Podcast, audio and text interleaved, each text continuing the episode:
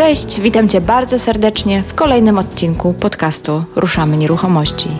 Ja się nazywam Marta Baczewska-Golik i na łamach tego podcastu pomagam osobom zainteresowanym tematyką nieruchomości zrozumieć pewne mechanizmy i prawa rządzące tym rynkiem. Jeżeli podobnie jak ja uważasz, że najlepiej zdobywać wiedzę od praktyków, a nie od teoretyków, to ten podcast jest dla Ciebie i mniej pewność, że wszystkie przeprowadzone tu wywiady są z ludźmi, którzy wiedzę zdobywali poprzez własne doświadczenie. Wielcy guru od marketingu mówią: trzy razy daj wartość i raz poproś. Aleks Barszczewski mówi: daj jeden, dwa razy wartość, a sami poproszą. O tym, jak budować relacje z klientami, by sami prosili Cię o usługę, rozmawiam z autorem książki Sukces w relacjach międzyludzkich i poczytnego bloga, blog Alexa. Z człowiekiem, który pracuje 50 dni w roku, żyje w dostatku, z dużym spokojem. Pracuje z ludźmi biznesu, pomaga negocjować potężne kontrakty, ale nader wszystko ceni sobie wolność i styl życia, w jakim to sam ustala, co będzie robić każdego dnia. Jeżeli chcesz wiedzieć, jak zdobywać najlepszych klientów na rynku nieruchomości, koniecznie posłuchaj naszej rozmowy. Cześć Aleks, witam Cię bardzo serdecznie w podcaście Ruszamy Nieruchomości. Cześć, witam Cię bardzo serdecznie. Dziękuję za zaproszenie i za przyjemność bycia w Twoim podcaście. A ja dziękuję za to, że znalazłeś odrobinę czasu i chęci na to, żeby w ogóle spotkać się z jakąś Martą, której nigdy na oczy nie widziałeś, która zadzwoniła ni z gruszki, ni z pietruszki i poprosiła o wywiad. Także naprawdę jest mi niezmiernie miło, że w sumie tak naprawdę obdarzyłeś mi zaufaniem. Także naprawdę wielkie dzięki. Słuchaj, ja bardzo szanuję właśnie osoby, które ni z gruszki, ni z pietruszki nawiązują kontakt, a jeżeli robią to w tak sympatyczny, ładny sposób jak Ty, no to nie sposób nie odmówić przecież. Super, no to żeśmy sobie posłodzili, to teraz może porozmawiamy. Dzisiaj chciałam, chciałam z Tobą porozmawiać na temat budowania relacji z klientami, mhm. a właściwie jak zrobić taką sytuację, że to nie Ty zabiegasz o klienta, tylko że klient chce z Tobą, e, chce o Ciebie zabiegać i chce z Tobą robić rzeczy, mhm. czy korzystać z Twoich usług, czy z Twoich produktów i tak, no, można by powiedzieć, że nawet bardziej jemu zależy niż Tobie. Ja wiem, że takie, takie sytuacje są możliwe i można sobie to wypracować i wiem, że e, Ty jesteś specjalistą od e, budowania relacji, natomiast zanim o tym porozmawiamy, mhm. to chciałabym Cię poprosić, żebyś w kilku słowach przedstawił się naszym słuchaczom, osobom, które no być może nigdy nie natknęły się na Ciebie ani na Twoją książkę. Jakbyś mógł tak w kilku zdaniach powiedzieć, czym się zajmujesz, co robisz, i się po prostu przedstawić. No dobrze, to, że jestem Aleks Waszewski, to już y, słyszeliśmy, prawda? W chwili obecnej czym się zajmuję? Zajmuję się głównie delektowaniem się życiem, e, ale oczywiście trzeba na to życie też zarobić. W związku z tym pracuję zarobkowo mniej więcej plus minus 50 dni w roku, e, działając jako konsultant w różnych krajach, w różnych językach gdzie jest angażowany do wszystkich spraw, gdzie potrzeba przygotować ludzi do jakichś trudnych negocjacji, do rozwiązywania jakichś trudnych problemów między zespołami ludzkimi, czy też po prostu, żeby przygotować na przykład dobrą argumentację do, do pewnych sytuacji.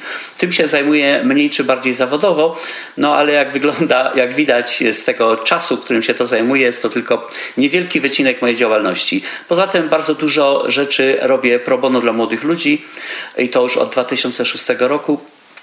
No i, no i sobie żyję, staram się żyć, bo jak, ponieważ nie wiemy nigdy, jak długo będziemy żyli. A to wiele rzeczy dla młodych ludzi, to co to oznacza? Co to jest? Słuchaj, ja w 2006 roku wystartowałem z blogiem Alexa, gdzie wtedy pisałem rzeczy, o których y, generalnie trudno było się do, dowiedzieć na ten temat coś, a jak były jakieś strony internetowe, to była mała zajawka, potem było wpłać tyle, a tyle złotych, powiemy ci więcej.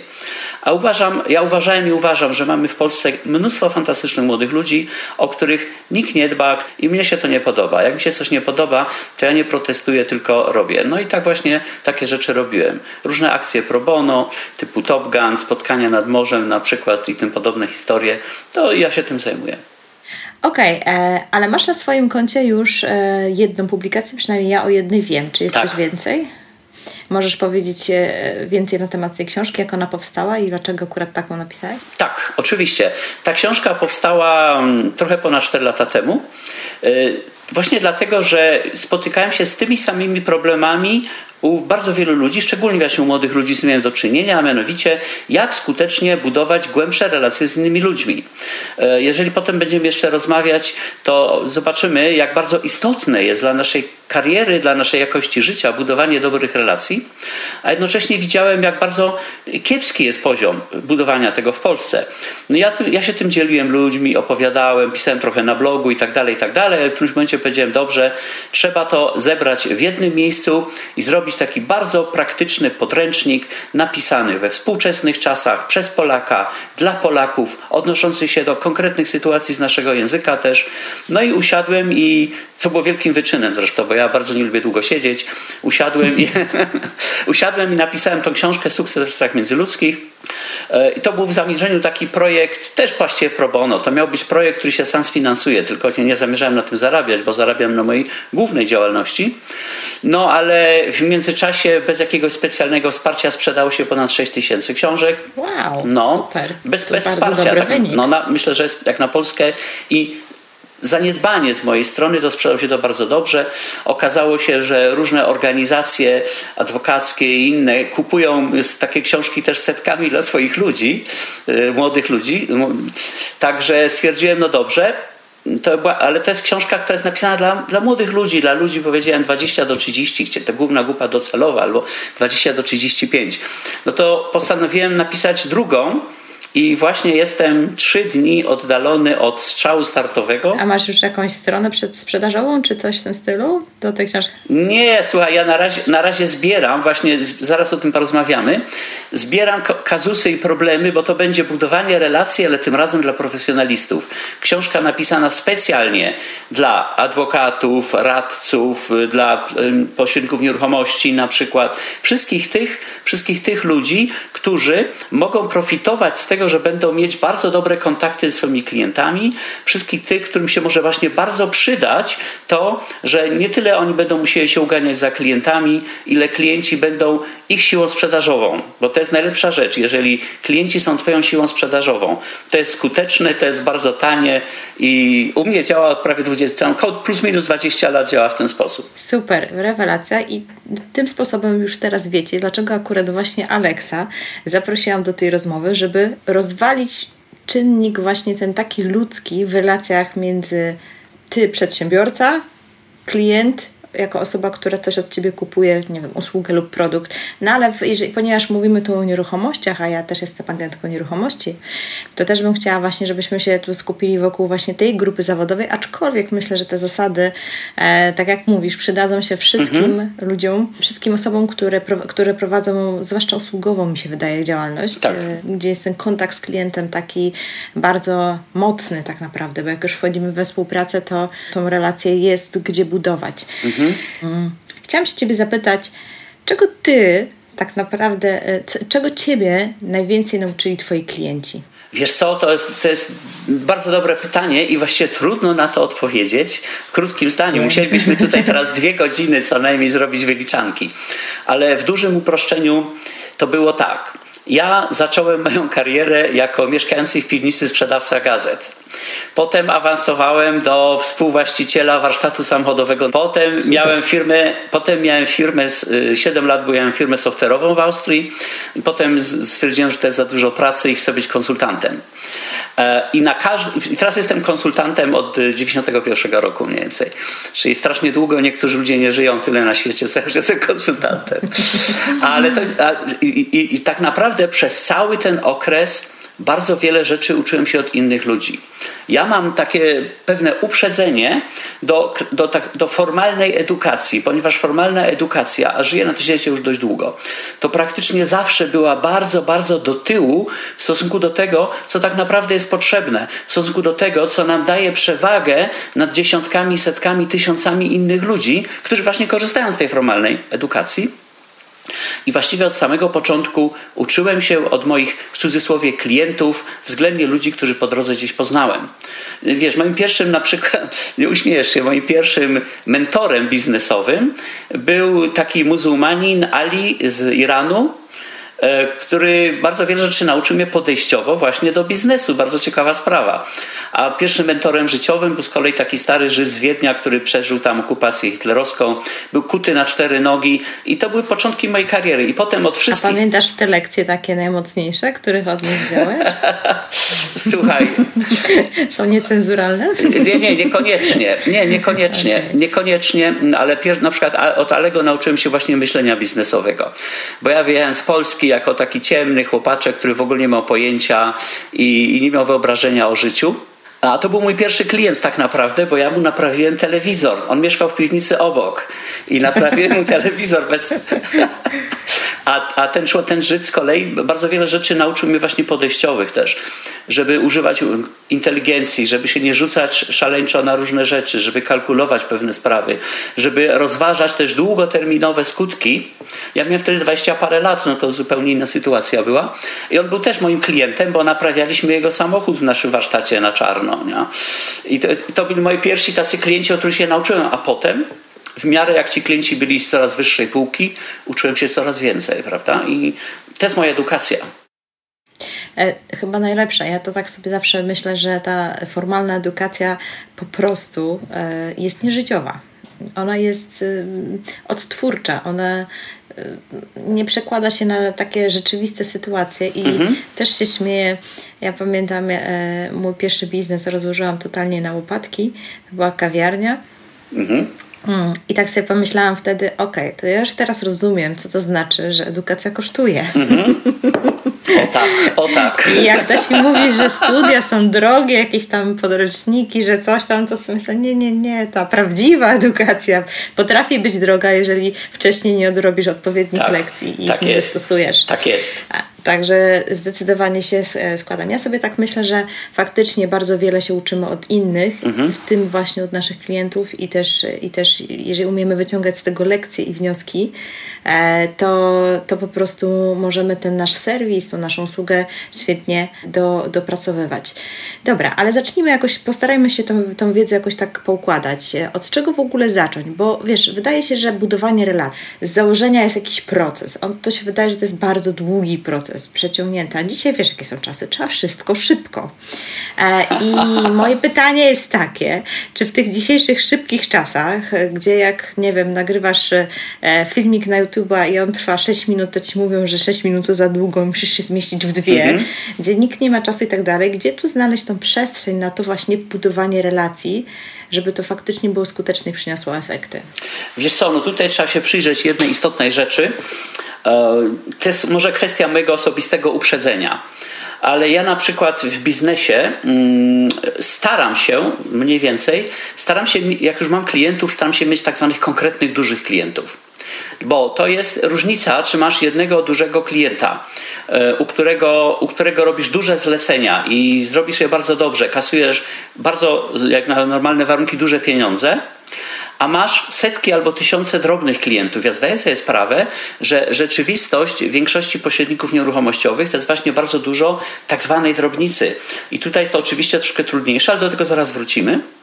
Ale również z moich doświadczeń i obserwacji E, również obserwacji e, moich przyjaciół nieruchomościowców, z którymi troszkę tam bliżej mam do czynienia, to również tutaj pójście w tego lepszego, w cudzysłowie lepszego klienta, lepszy w sensie klient, który ma duże potrzeby, duże pieniądze i duże zrozumienie jakości obsługi, jest całkiem obiecującą strategią.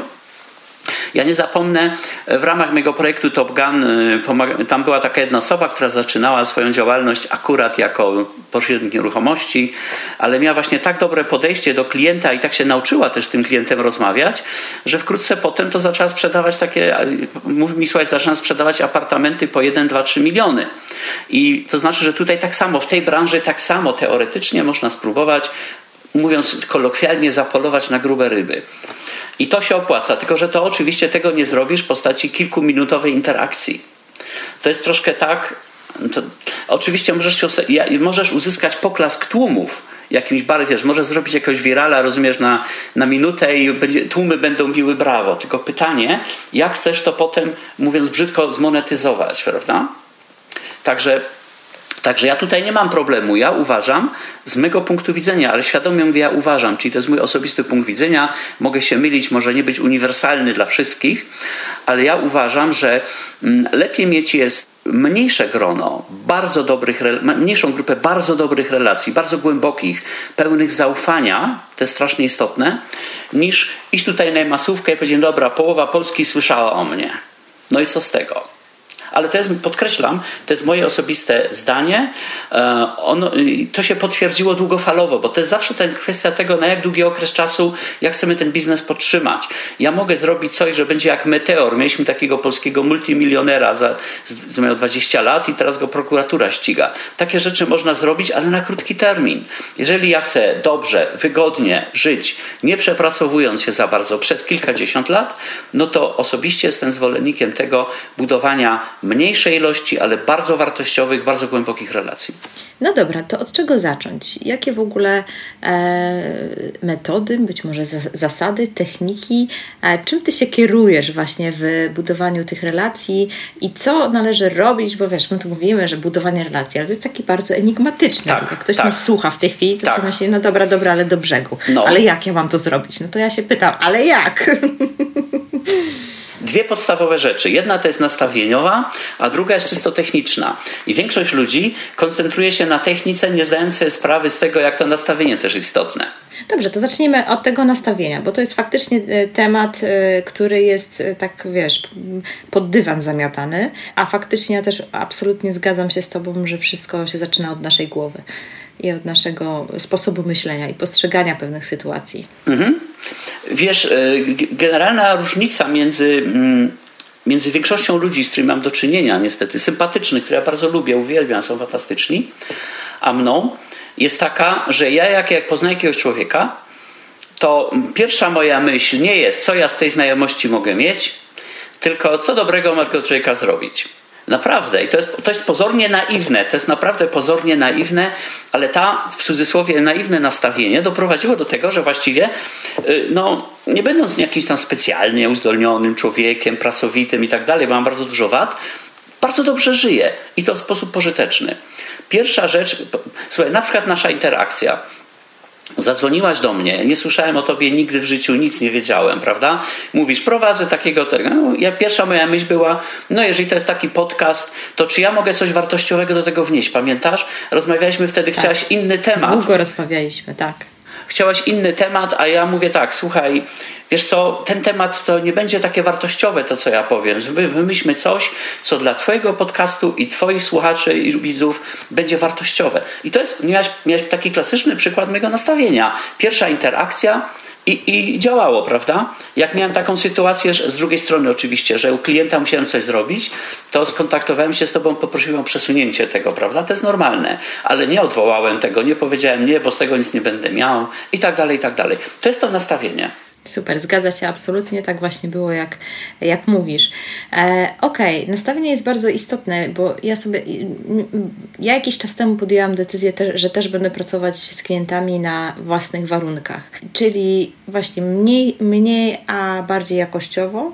I teraz faktycznie robię dużo mniej transakcji w roku, ale za to dużo większych. Brawo! Gdzieś tam, gdzieś tam tak, tak, tak. I, I też e, zgadza się absolutnie, że, że budowanie relacji to jest jakiś proces, bo taki mój e, jeden z największych klientów, któremu na przykład teraz działkę taką dużą deweloperską sprzedaję, to um, znamy się już od 8 lat. Mhm czy siedmiu. Tak. I gdzieś tam sukcesywnie e, po prostu ta nasza relacja budowała, aż w końcu dzisiaj faktycznie po tych iluś latach powierzyli mi na sprzedaż dwa naprawdę bardzo, bardzo duże tematy. Więc to naprawdę działa i, i jest fajnie. Chciałam powiedzieć jeszcze jedną rzecz, że e, przez to, że podjęłam decyzję, że pracuję na swoich e, zasadach, e, często zadają mi osoby pytanie, no ale jak to? Przecież co, jak dzwoni twój klient jakiś i nie chce e, się zgodzić na twoje zasady, mhm. czyli na pracę, bo ja głównie mhm. na umowach na wyłączność pracuję mhm. i to jest moja podstawowa Jasne. zasada to co? Ja mówię, no co, no to po prostu nie pracuję z tą osobą. Oczywiście. no po prostu mówię nie i tyle. E, i, i, I jak to? jest to taka konsternacja, jak rozmawiam właśnie z osobami e, z mojej branży, że, że to jest niewyobrażalne, że właśnie ta taka Ja nie wiem, na czym to polega, ale jest coś takiego mocnego w głowie, że mhm. jeżeli odmówię, to się świat zawali. Albo że coś się wydarzy strasznego. E, nie wiem, zauważyłeś to też? Wiesz co, to jest coś takiego i częściowo jest to przyczyna, jeżeli tak, przyczyną tego, że szczerze mamy rozmawiać, mam wrażenie, że sytuacja finansowa znacznie większej grupy ludzi niż myślimy jest gorsza niż to wygląda. Że po prostu ludzie troszeczkę się naciągnęli finansowo, żyją troszkę na początku, zwłaszcza jest typowy błąd, powyżej tego, na co ich właściwie stać i potem jesteś o jeden kontrakt, o jedną umowę oddalona od bankructwa. I to może być przyczyna. Wiesz, że to jest po, bo po prostu, jeżeli, jeżeli masz tą sytuację, że masz jakąś sensowną poduszkę finansową i cenisz sobie jakość życia i cenisz sobie jakość tego, co robisz, to w ogóle nie ma problemu. To w ogóle nie ma problemu z całym szacunkiem, bo to nie znaczy, że ci klienci, z którymi nie chcemy pracować, to są źli ludzie. Ale mówimy nie dla nas. To jest tak jak w związku, prawda? To może być fantastyczny facet, fantastyczna kobieta, ale nie ze mną. Dokładnie. Dokładnie tak. Dobra, to zacznijmy sobie układać to wszystko. E, w swojej książce opisujesz bardzo fajne zasady mm, funkcjonowania, takie właściwie to są zasady twoje życiowe. I jest ich tam, nie pamiętam ile, ale jest ich tam... 12 albo 13. Kilkanaście, no właśnie, jakoś tak.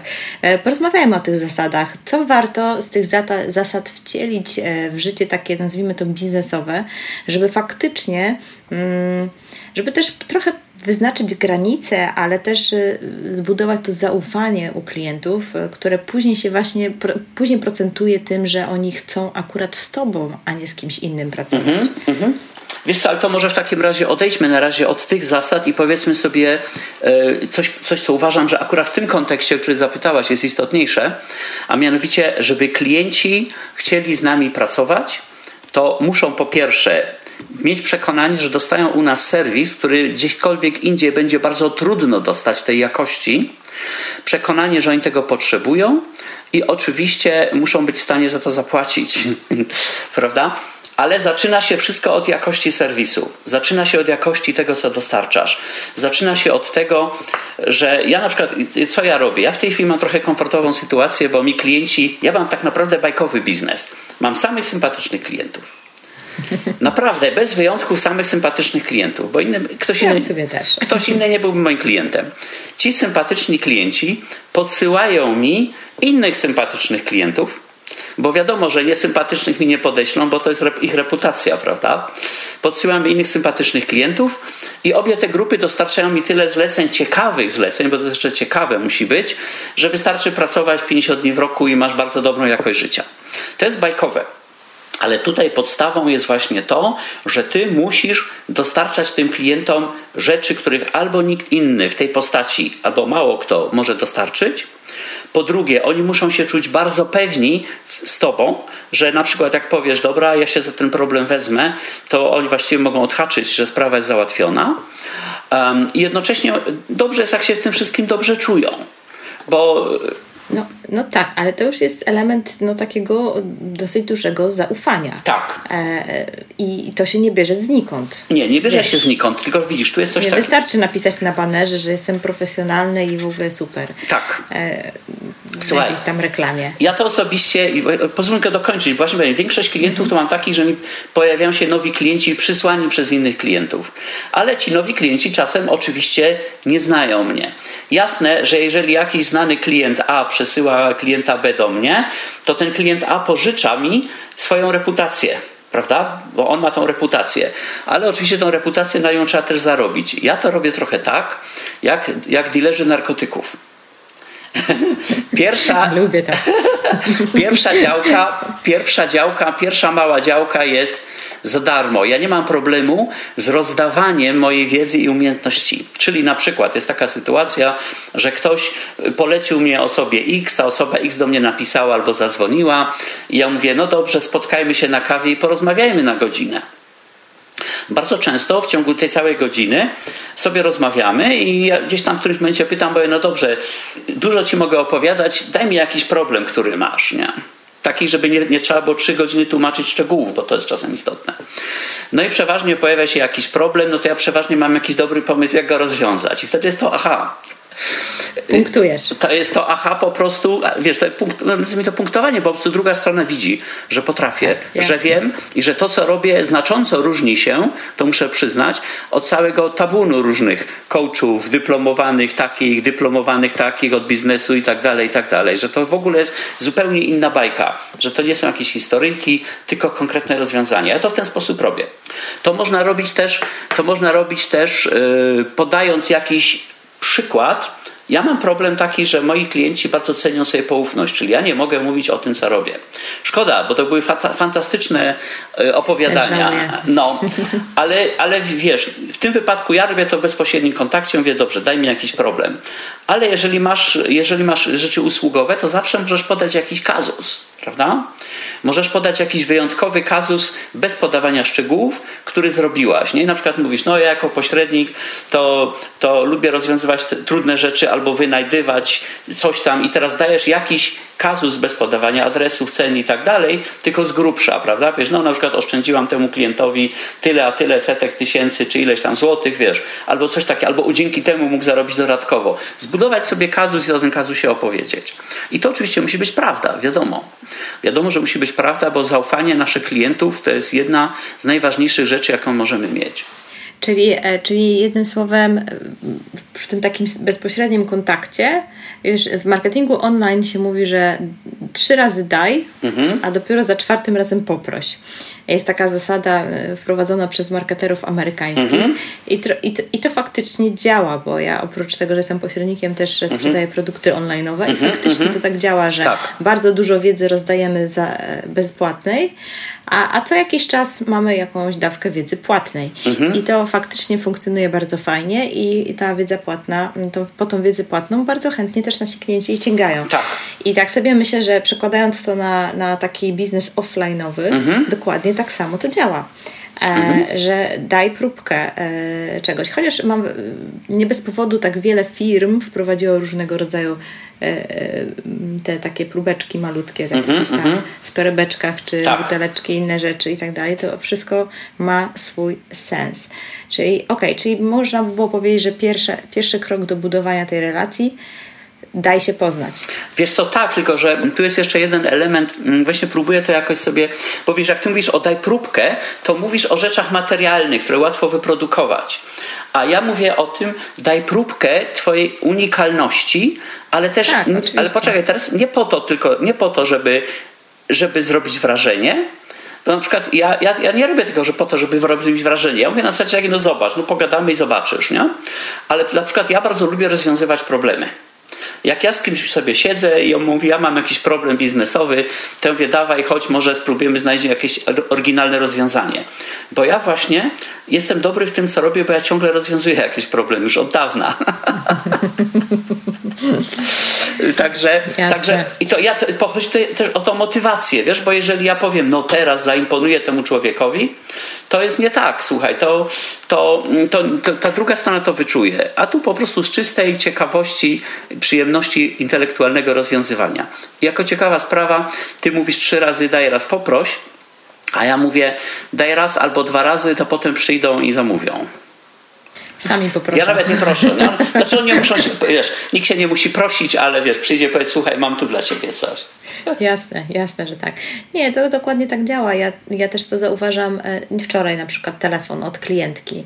No mówi, że chce kupić mieszkanie tak pod kątem inwestycji. Pyta się, że rozważa rynek pierwotny czy wtórny. Ja mówię, no jeżeli zależy jaką, co chcesz z tym mieszkaniem robić. Mhm. Ja mówię, jeżeli chcesz najem długoterminowy wynajmować, to pewnie lepiej wtórny, bo masz wtedy lepsze e, korzyści podatkowe z tego mm -hmm, tytułu. Mm -hmm. Tak? Jakie? I to już jest ten właśnie moment. Aha, już jesteśmy umówione i tak dalej. Nie? Mm -hmm. Więc, e, więc to był ten moment, kiedy właśnie tak jakby trochę dałam z tej swojej wiedzy, co jest mm -hmm, oczywiste, żeby po prostu, żeby tak to zobrazować, jakby to mogło działać. Więc ja myślę, że każdy pośrednik ma w swoim portfelu taki bagaż doświadczeń i tyle różnych transakcji i sytuacji i case'ów, że naprawdę w rozmowie z klientem jest w stanie e, coś fajnego z kapelusza wyciągnąć mhm. E, i, i faktycznie temu klientowi zaprezentować coś, co będzie faktycznie dla niego realną wartością. Tak. Bo teoretycznie ona mogłaby pójść sobie kupić teraz sama mieszkanie mhm. I, i wynajmować na długoterminowy, bo już ode mnie wie, co to jest amortyzacja i tak dalej, i tak dalej, dlaczego skrócona i ile lat musi mieć mieszkanie, żeby się załapać na te przepisy. Ale prawda jest taka, że to mam wrażenie, że jest taki mechanizm, że rozbudza tą ciekawość wśród mm-hmm, klientów, tak. że a może ona coś jeszcze mi podpowie, coś więcej mi da, może warto się tej osoby trzymać, nie? E, co powoduje, bo często ja na przykład zauważam, że w naszej branży często pośrednicy tak bardzo mocno chronią tą swoją wiedzę, mm-hmm, boją się nią podzielić na zewnątrz, mm-hmm. e, bo im się wydaje, że jak wszystko powiesz, no to wtedy klienci sobie sami zrobią. Mhm. A ja mam wrażenie, że im mniej mówisz, tym klienci faktycznie robią sobie sami. Tak. Bo nie wierzą ci, że ty potrafisz. Oczywiście. A jak im faktycznie coś zaoferujesz, co, co zabrzmi naprawdę sensownie, e, to oni e, wtedy nabierają tego zaufania i chcą tak. zrobić z tobą transakcję, bo, bo wierzą, że ty im ich dobrze po prostu poprowadzisz. Oczywiście. O, oczywiście. Ja uważam, że to, co robisz, to jest bardzo mądra strategia. Tym bardziej, że ona oczywiście przyczynia się do selekcjonowania klientów.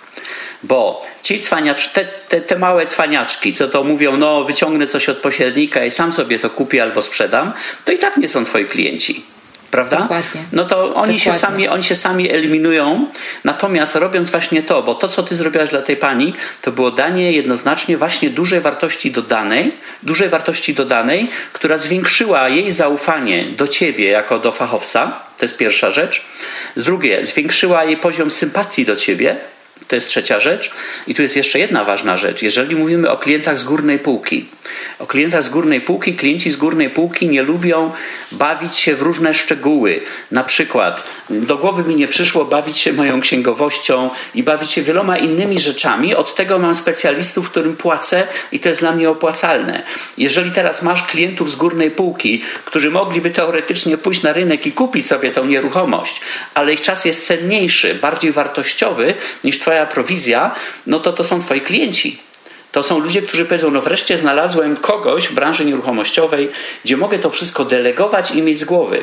Ja takich klientów wielu znam i dla wielu ludzi ja jestem takim klientem, że tak naprawdę ja nie patrzę, żeby to optymalizować, żeby było jak najtaniej. Ja chcę mieć ten problem z głowy, chcę mieć pewność, że to będzie dobrze działało. I to jest wszystko. W ten sposób właśnie budujesz sobie pulę tych klientów, ja bym, no, gdzie mają większy potencjał, gdzie mają więcej pieniędzy, większe zlecenia. Tak, bo prawda jest taka, że, e, że jak nie będzie tej selekcji, tej takiej eliminacji, no to po prostu naprawdę często narobisz się, narobisz i często mhm. za darmo, bo tak. ktoś gdzieś tam pójdzie i tak dalej. Ja, wiesz, już też parę lat ładnych pracuję w zawodzie i mhm wiele razy robiłam coś za darmo i w końcu tupnęłam nóżką, mówię nie. Mm -hmm. Teraz jak ktoś chce za mną pracować, to ja chętnie, ale jednak wynagrodzenie się należy. Tak, tak. Więc y, to też z tego wynika, że dziś postawiłam tak jakby granicę tym swoim klientom, ale też sobie, ja się w tym też dobrze poczułam. Fair, uczciwie od razu ustawiam zasady i jest fajnie, tak? I, mm -hmm. i jak ktoś to wchodzi, to fajnie, jak nie, no to życzymy sobie powodzenia i mm -hmm, trzymamy Oczywiście. kciuki i, tak. i, jest super, tak? I, I jest miło i przyjemnie, ale, ale, ale no po prostu nie, idę dalej. Mhm, tak? tak. Będzie ktoś inny. Super, fajnie. To cieszę się, że potwierdzasz. Znaczy, wiesz, mi się to bardzo podoba, co powiedziałaś. Mówię, no wreszcie w branży nieruchomościowej jest więcej ludzi, którzy też tak myślą, nie?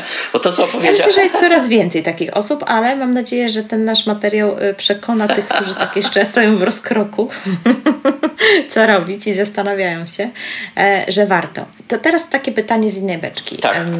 Dzisiaj mamy taki świat, gdzie wszystko się dzieje w social mediach, no jest tak wirtualnie. Na przykład branża właśnie pośredników nieruchomości jeszcze jest, myślę, że już coraz bardziej wchodzi w ten świat wirtualny, ale mimo wszystko widzę, y, widzę że jeszcze jest bardzo dużo osób, które bardzo mocno tak działają w tym takim offline'owym świecie i według reguł takich, jak funkcjonowały. I takie pozycjonowanie siebie jako marki, jako osoby, jako profesjonalisty w, w tym internecie często jest takie postrzegane przez te osoby, które działają offline, tak wiesz, z przymrużeniem oka, że może to jest strata czasu, albo sami po prostu twierdzą, że nie mają czasu, żeby to robić. Mhm. No bo są oczywiście zaganiani najczęściej właśnie taką obsługą y, różnych klientów i tego jest dużo i faktycznie tego czasu nie mają. I teraz moje pytanie jest takie, czy Twoim zdaniem faktycznie można przyspieszyć ten proces y, tego zdobywania zaufania mm, klientów, właśnie wykorzystując do tego to, co nam daje współczesny świat. Czyli mhm. mam na myśli właśnie nie wiem, kanały typu YouTube, y, Facebook, mhm. inne rzeczy, gdzieś, gdzie faktycznie tam możesz zacząć budować swój, ten, ten jak to się ładnie mówi, personal branding mhm. i po prostu budować swoją, swój wizerunek jako profesjonalisty. Czy to przyspiesza ten proces? Tutaj wiesz, najprostsza odpowiedź byłaby oczywiście, że może, ale jeżeli chcesz mieć taką naprawdę odpowiedź, to muszę, muszę trzy rzeczy co najmniej powiedzieć. Po pierwsze, to zależy od branży. Po drugie, zależy od klientów. Ja ci dam taki przykład, jeśli chcesz z mojej beczki. Ludzie czasem mówią, ach, Alex, bo ty to robisz na, w internecie, żeby rozwinąć twój biznes. To ja ci powiem, że to jest tak. Moja działalność pro bono w internecie, bo jest 100% pro bono, to szkodzi mojemu biznesowi tak naprawdę. Bo jeżeli gdzieś jakiś prezes jakiejś dużej firmy o mnie usłyszał, i wygoogluje mnie w internecie i w internecie nie znajdzie kompletnie nic o mojej działalności biznesowej. Znajdzie prościutkie filmiki dla młodych ludzi o dość elementarnych rzeczach. To pierwsza myśl jest, co to za facet, to, to chyba jest przereklamowany.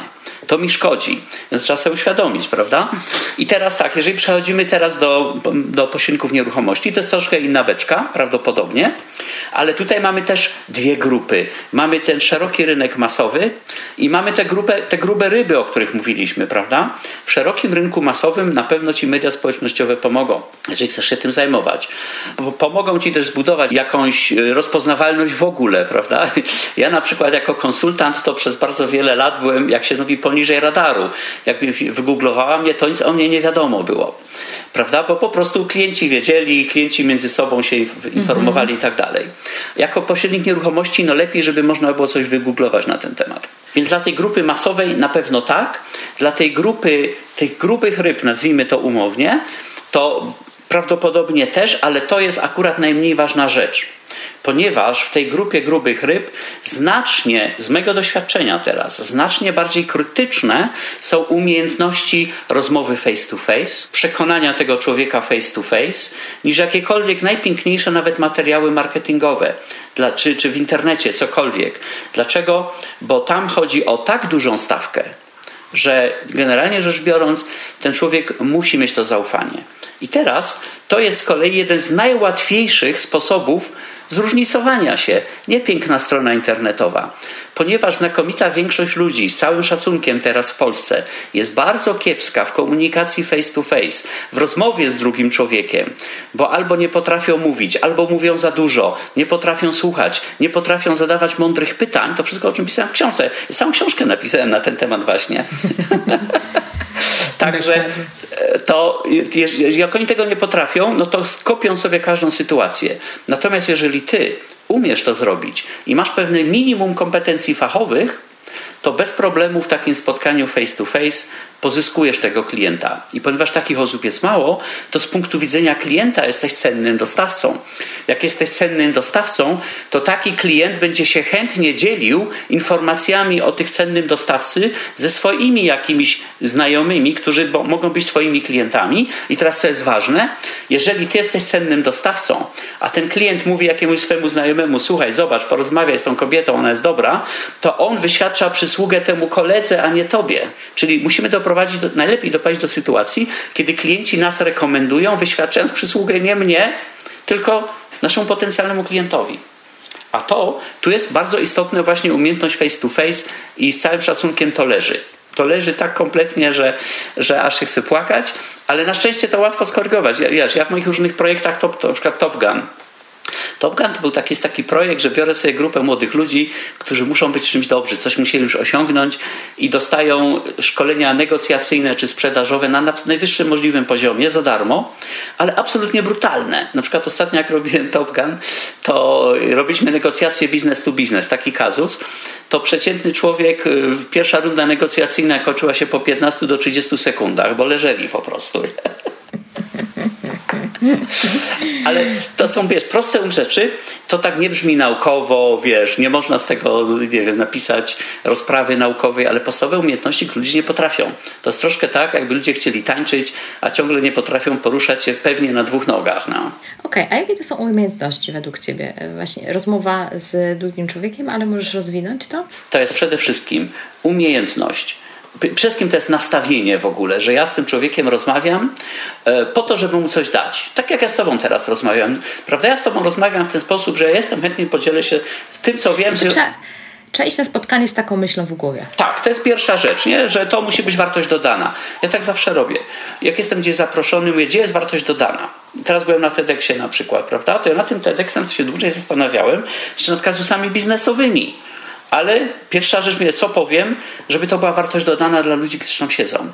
I tutaj to jest to nastawienie. Potem, druga rzecz, trzeba umieć słuchać, trzeba umieć pytać. Większość ludzi ma problem z umiejętnościami pytania, bo zadają w najlepszym wypadku pytania zamknięte, które mogą tylko potwierdzić hipotezy. Trzeba umieć pytać i trzeba umieć słuchać i trzeba umieć dopytywać się szczegóły, szczegółów w tym, co ten drugi człowiek powiedział, i trochę starać zrozumieć pozycję tego człowieka. To są tak naprawdę proste rzeczy, proste rzeczy, które można się nauczyć bez trenera nawet. Ja w mojej książce na przykład najgorszą rzeczą było to opisanie ćwiczeń, jak każdy przy mocy komórki, telewizora i jakiegoś znajomego może się nauczyć podstawowych elementów, które katapultują go do przodu w stosunku do całej reszty we własnym zakresie. Jak zadawać pytania, jak zadawać mądre pytania i tak dalej. Puszczasz sobie na przykład jakiś, puszczasz sobie jakąś rozmowę a może niekoniecznie z polskiej telewizji ostatnio, ale puszczasz sobie jakąś rozmowę.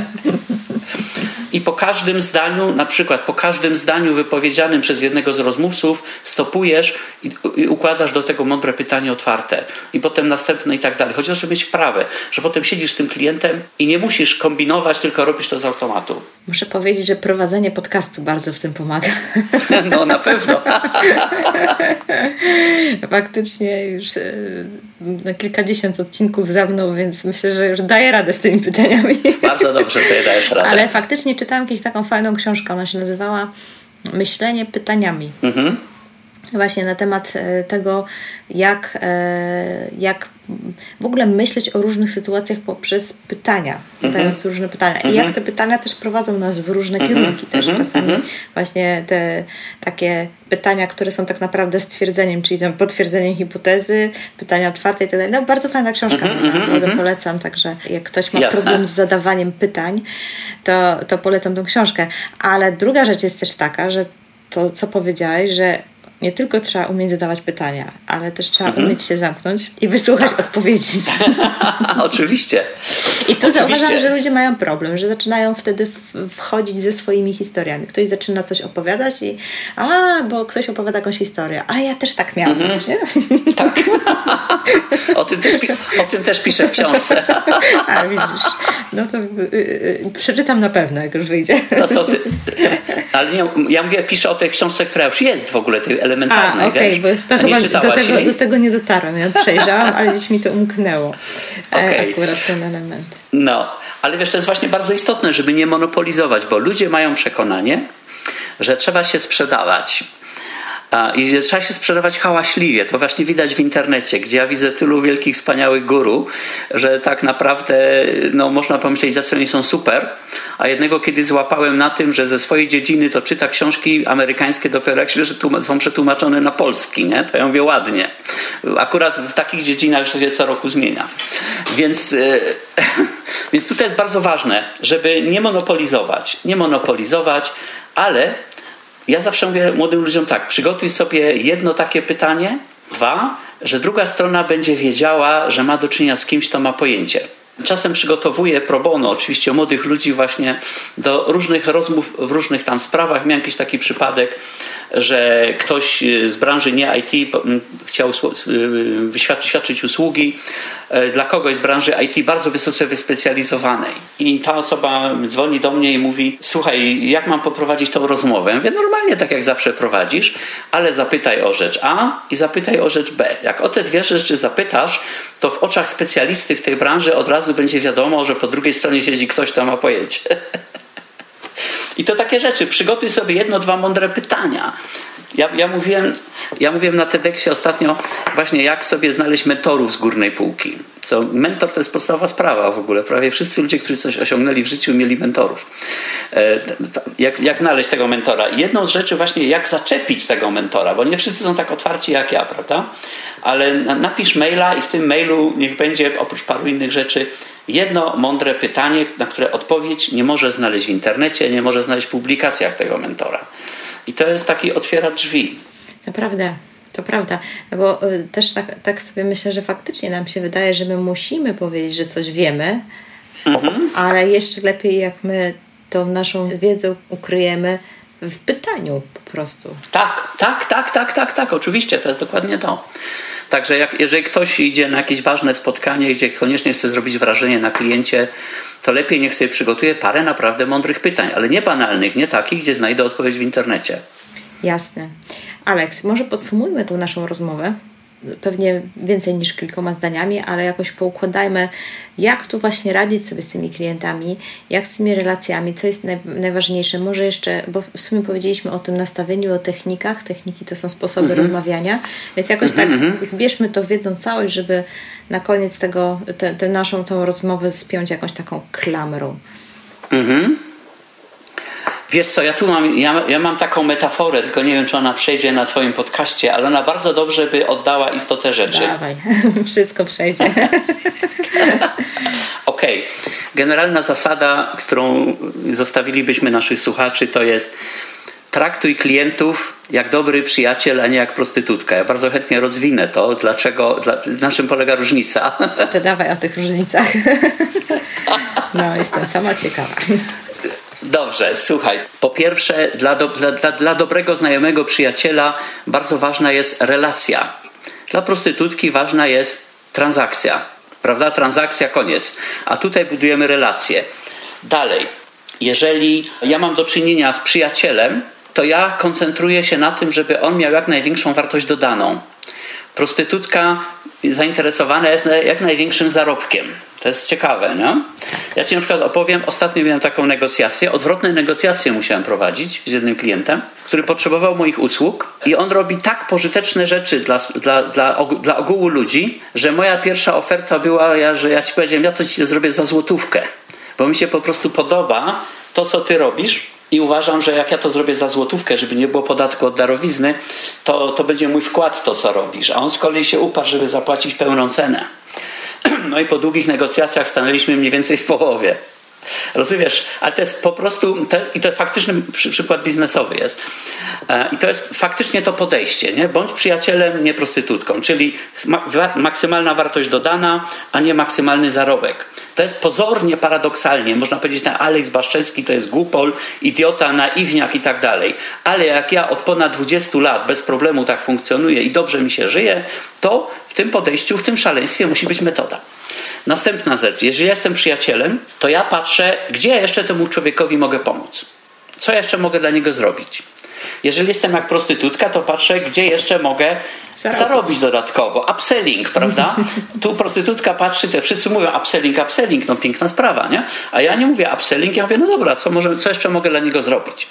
E, I następna sprawa właśnie typowa, jak jest przyjaciel i potrzebuje coś i nie ma budżetu, to trzeba mu pomóc. U prostytutki nie ma kasy, nie ma usługi. No i generalnie w, przy tych różnicach takich krótko pojętych niech każdy się zastanowi tak naprawdę dla samego siebie, bo nie musi się przyznawać przed innymi. Czy ja traktuję moich klientów jak prostytutka, czy jak dobry przyjaciel.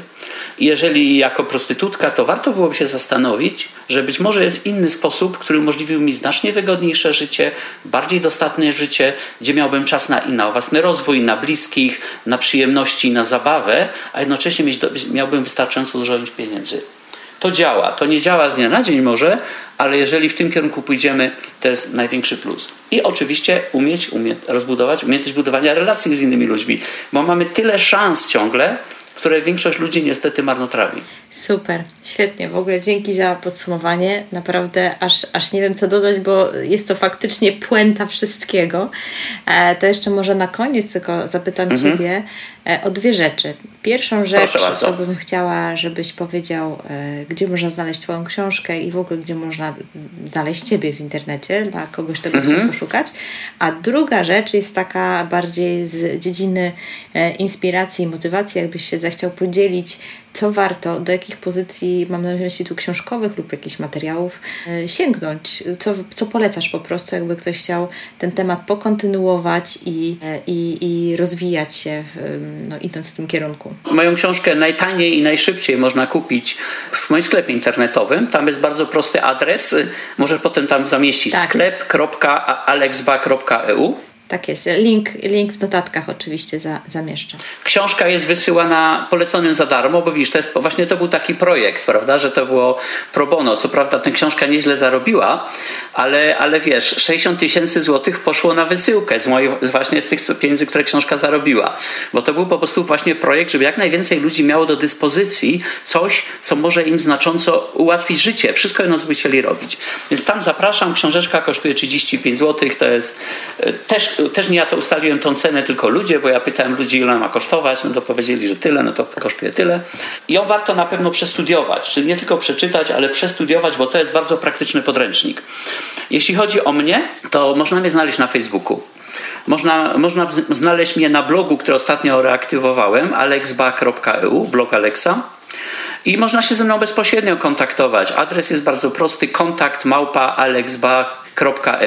I to właściwie to jest bardzo, sama widzisz, jest bardzo prosto się ze mną skontaktować. Tak. Dobrze jest tylko nie pisać mi historii swojego życia, nie, nie, zadawać mi pytań, nie zadawać mi pytań, co mam zrobić z moim życiem, jak ja człowieka w ogóle nie znam.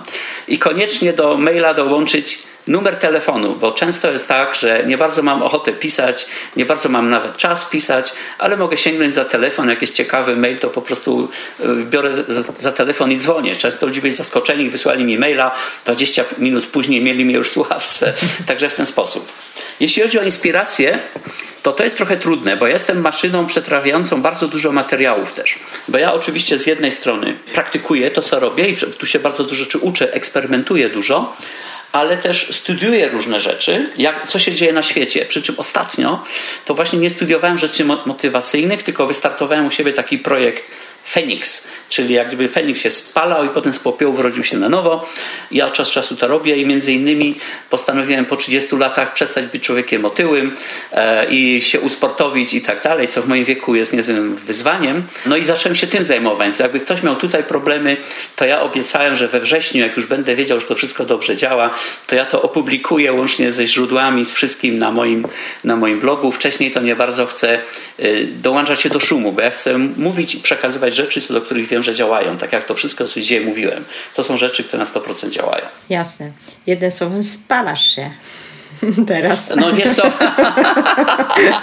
no już ponad 10 kilo spaliłem, to jest wow, chyba nieźle. Gratuluję, super. Gratuluję, naprawdę dobry wynik. E, no. no. dobrze, to w takim razie, a nie przychodzi Ci nic do głowy? Mm, co można było jeszcze polecić? Jaką książkę konkretną, co którą czytałaś? Może nawet kiedyś w dawnych czasach a, i warto?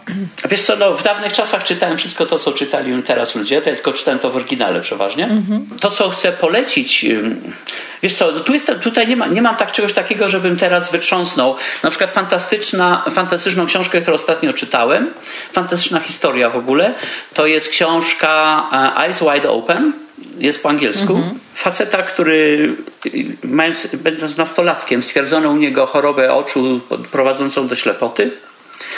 E, on mimo tego skończył, najpierw skończył Harvard, skończył e, Computer Science, stworzył firmę software'ową i tak dalej, stracił wzrok w międzyczasie już kompletnie. Potem go to przestało bawić, to skończył prawo na Harvardzie. Potem był prawnikiem, to go przestało bawić, to, to kupił jakąś firmę budowlaną, z którą mało nie zbankrutował, w tej chwili jest to jedna duża firma.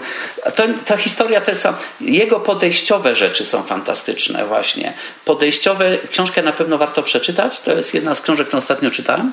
Eyes Wide Open. Eyes wide czy open. Na, tak, ja nie wiem, czy w Polsce jest znana książka Disrupt Yourself, też bardzo dobra. Ja zawsze czytam książki przeważnie zaraz po tym, jak się ukażą w Stanach.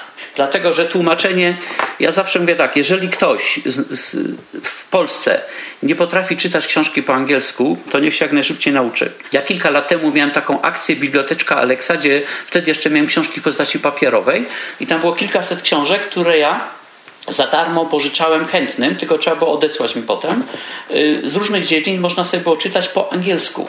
Bo to jest podstawa. Słuchajcie, jeżeli, jeżeli nie jesteście w stanie czytać książek po angielsku, obejrzeć wykładu po angielsku, to jest to ciężkie upośledzenie i to będzie coraz gorzej. To tak jakby ty z komputera nie mógł korzystać. To trzeba koniecznie rozwinąć. Wziąć jakąś książkę, prostą książkę, zacząć czytać.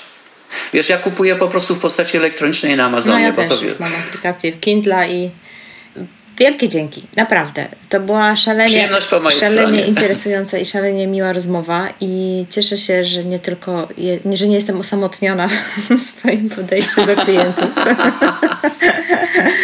E, I że, że faktycznie inni też potwierdzają, że mhm. to się opłaca. Także mhm. mamy nadzieję, że zainspirowaliśmy naszych słuchaczy do tego, żeby coś zmienić w swoim mhm. podejściu do budowania relacji z klientami. Tak, Życzymy tak. Wam naprawdę samych sukcesów i e, tak wielkiego powodzenia w, no, w działaniu, w akcji i, i, i w pozyskiwaniu tych grubych ryb, o których mm Alex wspominał.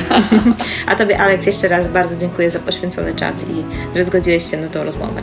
Ja dziękuję za zaproszenie, pozdrawiam też wszystkich i Tobie życzę też wiele sukcesów. Dziękuję bardzo. Dzięki. Michał Szafrański napisał książkę Zaufanie, waluta przyszłości. I ja się z tym w 100% zgadzam. Alex jest taką kolejną osobą z ogromnym biznesowym doświadczeniem, która potwierdza, że można budować biznes w oparciu o etyczne i pełne zaufania relacje. Nie wiem jak dla Ciebie, ale dla mnie ta rozmowa była naprawdę bardzo ważna. Kiedyś miałam taką wizję, zmianę wizerunku pośrednika w takim ogólnym jego postrzeganiu społecznym. A dzisiaj chyba nawet idę dalej. Dzisiaj wierzę, że możemy zmienić wizerunek biznesu, odejść od modelu nastawienia walcz albo gin na pomagaj i wzrastaj wraz z innymi, czy to swoimi klientami, czy bliskimi.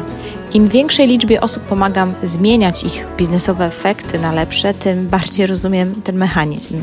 Kto nie zna powiedzenia, co zasiejesz, to zbierzesz? W momencie, gdy świadomie, ale naprawdę świadomie zaczynasz siać, to co chcesz zebrać, naprawdę zaczynają się dziać cuda.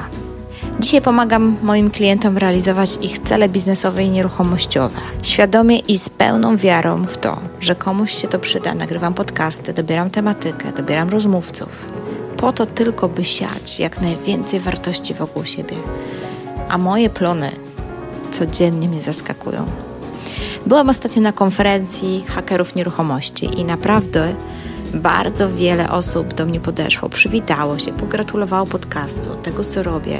I to nie były takie puste słowa, realne rozmowy, które pewnie doprowadzą nas do zaskakujących efektów, a nawet może współpracy. Efektem mojego siania wartości jest na przykład moja ścisła współpraca z Martą Smith. Wspólnie zrobiłyśmy wiele wspaniałych wydarzeń. Zarobiłyśmy też sporo pieniędzy, a to dopiero początek naszych planów. Na ostatniej konferencji również nawiązałam kontakt z szalenie ciekawymi ludźmi, z którymi pewnie coś wspólnie zrobimy. Na koniec, jakbym miała Ci dać taką krótką radę, tak od siebie, to powiem tak. Zacznij świadomie siać wokół siebie dobro i wartość. Zobaczysz, że w dłuższej perspektywie to się zwróci z nawiązką, a praca stanie się przyjemnością, a nie przykrą koniecznością. Jeżeli masz ochotę być na bieżąco ze wszystkim, co robię w ramach podcastu oraz mojego projektu Dwie Marty, zostaw swojego maila na stronie ruszamynieruchomości.pl lub na stronie dwiemarty.pl. A jak masz ochotę zakupić książkę Alexa, to wejdź proszę na stronę www.sukceswrelacjach.pl. Jeżeli ten podcast był dla Ciebie wartościowy i jesteś otwarty, otwarta, by posiać trochę dobra, to udostępnij go proszę, gdzie możesz, w social mediach lub po prostu wyślij go swoim znajomym. Wielkie dzięki. Do usłyszenia niebawem.